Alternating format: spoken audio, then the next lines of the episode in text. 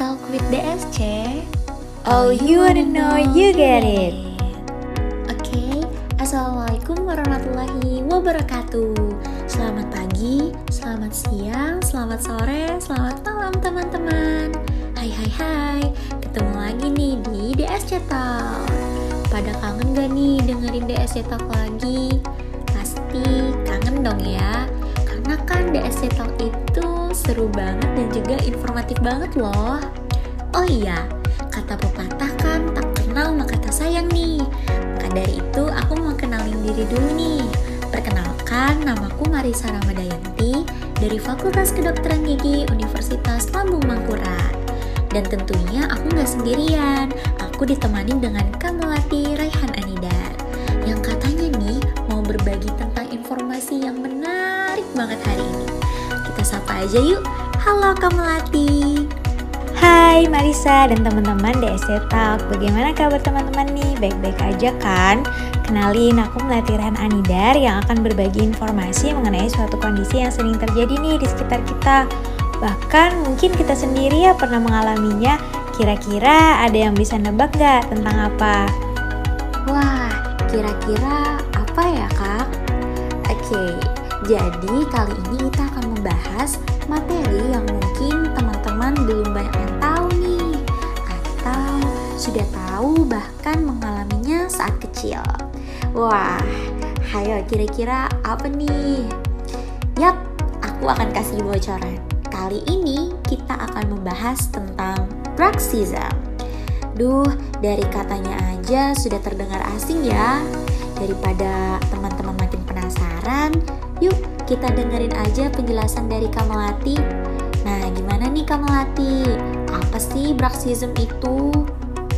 Yap, bruxism atau biasa dikenal di masyarakat sebagai kerot adalah kebiasaan mulut kita yang bergerak ataupun menggeretakkan gigi secara tidak sadar yang berirama, di mana gerakannya ini tidak memiliki fungsi tertentu dan tidak teratur, melebihi pergerakan normal saat mengunyah yang dilakukan sepanjang hari, bahkan 80% itu terjadi pada malam hari, yaitu pada saat tidur dalam keadaan yang tidak sadar.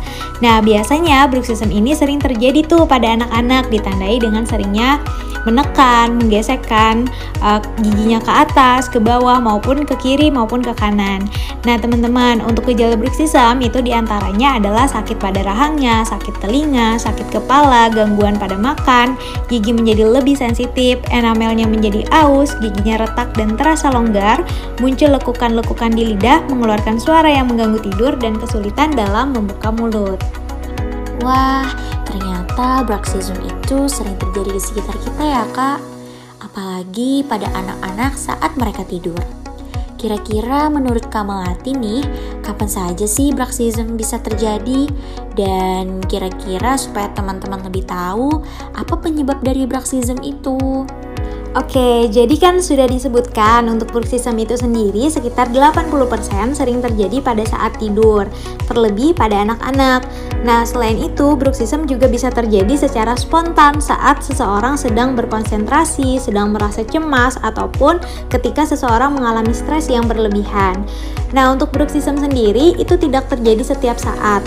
Lalu untuk penyebabnya seperti apa? Nah, itu belum diketahui secara pasti. Namun, ada beberapa faktor fisik maupun psikologi yang bisa menjadi pemicu bruxism, yaitu cemas, stres, marah, frustasi, ataupun tegang. Dan juga ada ciri kepribadian seseorang yang agresif, yang kompetitif, maupun yang hiperaktif dan juga ada gangguan tidur contohnya insomnia dan sleep apnea, adanya susunan gigi yang kurang rata antara bagian atas dan bagian bawah, adanya respon terhadap nyeri akibat tumbuh gigi atau sakit telinga. Nah, hal ini biasanya terjadi pada anak-anak dan juga ada efek samping obat-obatan seperti untuk mengobati gejala skizofrenia dan gangguan kecemasan dan beberapa obat antidepresan. Adanya asam lambung yang naik ke kerongkongan dan juga adanya gaya hidup yang tidak sehat seperti merokok, mengonsumsi alkohol ataupun menggunakan narkoba. Memangnya bruxism ini bahaya ya kak? Terus dampak yang akan terjadi dari bruxism ini kira-kira apa itu Kamalati? Yap, benar Marisa. Bruxism ini berbahaya apabila tidak ditangani dengan cepat dan tepat. Maka ada beberapa hal yang bisa terjadi. Yang pertama, adanya grinding permukaan, erosi dan perubahan bentuknya pada gigi, yaitu terjadi gesekan secara terus-menerus antar gigi, terutama gigi depan, lama-kelamaan jaringan giginya, email dan dentin menjadi rusak. Terus giginya jadi aus dan akan menyebabkan nyeri pada akar gigi. Yang kedua, gigi goyang karena kerusakan periodontal. Nah, teman-teman, di bawah itu kan uh, di bawah gigi kan ada jaringan periodontal, ada gusi, tulang alveolar, dan lain-lain. Nah, tadi kan giginya akan haus, terus muncul rasa nyeri di akar gigi. Nah, kalau dibiarkan terus-menerus, maka jaringan di bawah gigi akan rusak, sehingga penopang gigi tidak akan kokoh lagi. Jadi giginya bisa goyah nih, Marisa. Nah, yang ketiga nih teman-teman, adanya perubahan oklusi. Kenapa emangnya kalau berubah? Nah, oklusi itu keadaan ketika rahang atas dan rahang bawah itu mengatup.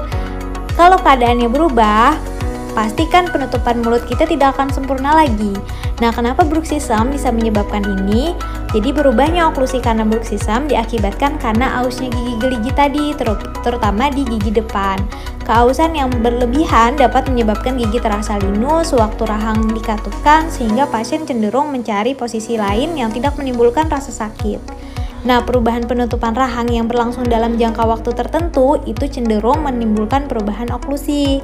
Seperti itu. Nah, selanjutnya bruxism ini bisa menyebabkan sakit kepala dan nyeri pada otot pengunyahan. Yang kelima, sakit pada sendi temporomandibular karena trauma oklusi tadi. Dan yang terakhir, bisa terjadi kebisingan selama grinding. Pada saat mengatupkan gigi rahang atas dan rahang bawah dengan keras biasanya terdengar bunyi khas yang dihasilkan oleh pertemuan gigi geligi tersebut. Oh, jadi begitu ya kak. Hmm, lalu untuk pengobatan dan pencegahan bruxism itu gimana kamu latih?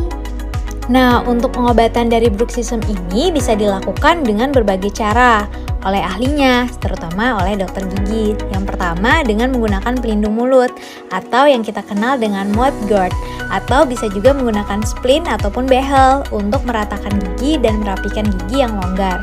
Yang kedua, menggunakan crown gigi untuk memperbaiki susunan dari permukaan gigi serta mencegah keausan pada gigi. Yang ketiga, dengan melakukan terapi meditasi jika bruxism disebabkan oleh stres, terapi perilaku untuk mengurangi kebiasaan bruxism, serta bisa dengan terapi biofeedback untuk mengontrol aktivitas otot rahang. Yang keempat, bisa dengan mengonsumsi obat relaksan otot sebelum tidur dan melakukan suntik botox jika penanganan lainnya tidak berpengaruh. Yang tentunya semua hal tersebut harus dipantau oleh dokter gigi ya. Nah, kalau kita merasakan sakit pada daerah pipi atau pada daerah rahang karena mengalami bruxism, maka pengobatan mandiri yang bisa kita lakukan adalah dengan mengompres bagian yang terasa sakit tadi dan melakukan pijatan di otot-otot yang sakit. Seperti itu, teman-teman. Perlu diperhatikan lagi ya, untuk pengobatan bruxism ini tergantung dari kondisi dan juga penyebabnya. Nah, terus kan ada tuh kata pepatah, lebih baik mencegah daripada mengobati. Kalau untuk pencegahannya, kita bisa melakukan beberapa hal. Di antaranya, yang pertama, hindari alkohol. Yang kedua, hindari minuman yang mengandung banyak kafein seperti kopi, coklat. Hindari minuman bersoda, jauhkan diri dari kebiasaan menggigit-gigit pensil ataupun pulpen, kurangi kebiasaan makan permen karet, Lemaskan rahang sebelum tidur dengan cara meletakkan handuk hangat di bagian pipi dan telinga setiap hari. Berlatihlah untuk mengurangi bruxism dengan cara menjepitkan ujung lidah di antara gigi atas dan juga gigi bawah. Jika bruxism berkaitan dengan gangguan tidur, mulailah memperbaiki pola tidur sehari-hari. Dan yang terakhir, bisa dilakukan pemeriksaan ke dokter gigi secara berkala jika merasakan gejala-gejala bruxism. Nah, begitu Marisa. Wah, Ternyata bruxism ini bisa diobati bahkan dicegah juga ya kak. Nah teman-teman gimana nih? Materi kali ini tak kalah seru kan dengan materi-materi sebelumnya? Jangan lupa nih, pantau terus DSC Talk yang selalu update setiap bulan. Iya nih Marisa, tentunya kita harus selalu menanamkan kepercayaan bahwa kebiasaan menjaga kesehatan gigi dan mulut sejak dini merupakan cikal bakal memiliki perilaku oral hygiene yang baik di masa depan untuk terciptanya diri yang sehat dan gembira. Betul banget tuh kamu Lati. Hmm, terasa sudah di penghujung kak. Sebelumnya aku ucapin terima kasih banyak ya untuk Kamalati karena sudah mau sharing sama DSC Talk hari ini. Semoga kita sehat-sehat terus ya kak. Terima kasih kembali teman-teman. Nah, untuk teman-teman yang lagi dengerin nih Tetap jaga kesehatan gigi dan mulutnya juga ya. Jangan lupa kalau teman-teman mengalami indikasi bruxism, langsung kunjungi dokter gigi kesayangan kalian nih supaya bisa cepat diobati. Jangan ditunda-tunda dan jangan lupa untuk vaksinasi. Selalu pakai masker dan menghindari kerumunan ya.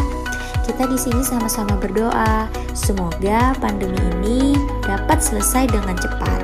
See you soon. Bye bye bye. Assalamualaikum warahmatullahi wabarakatuh.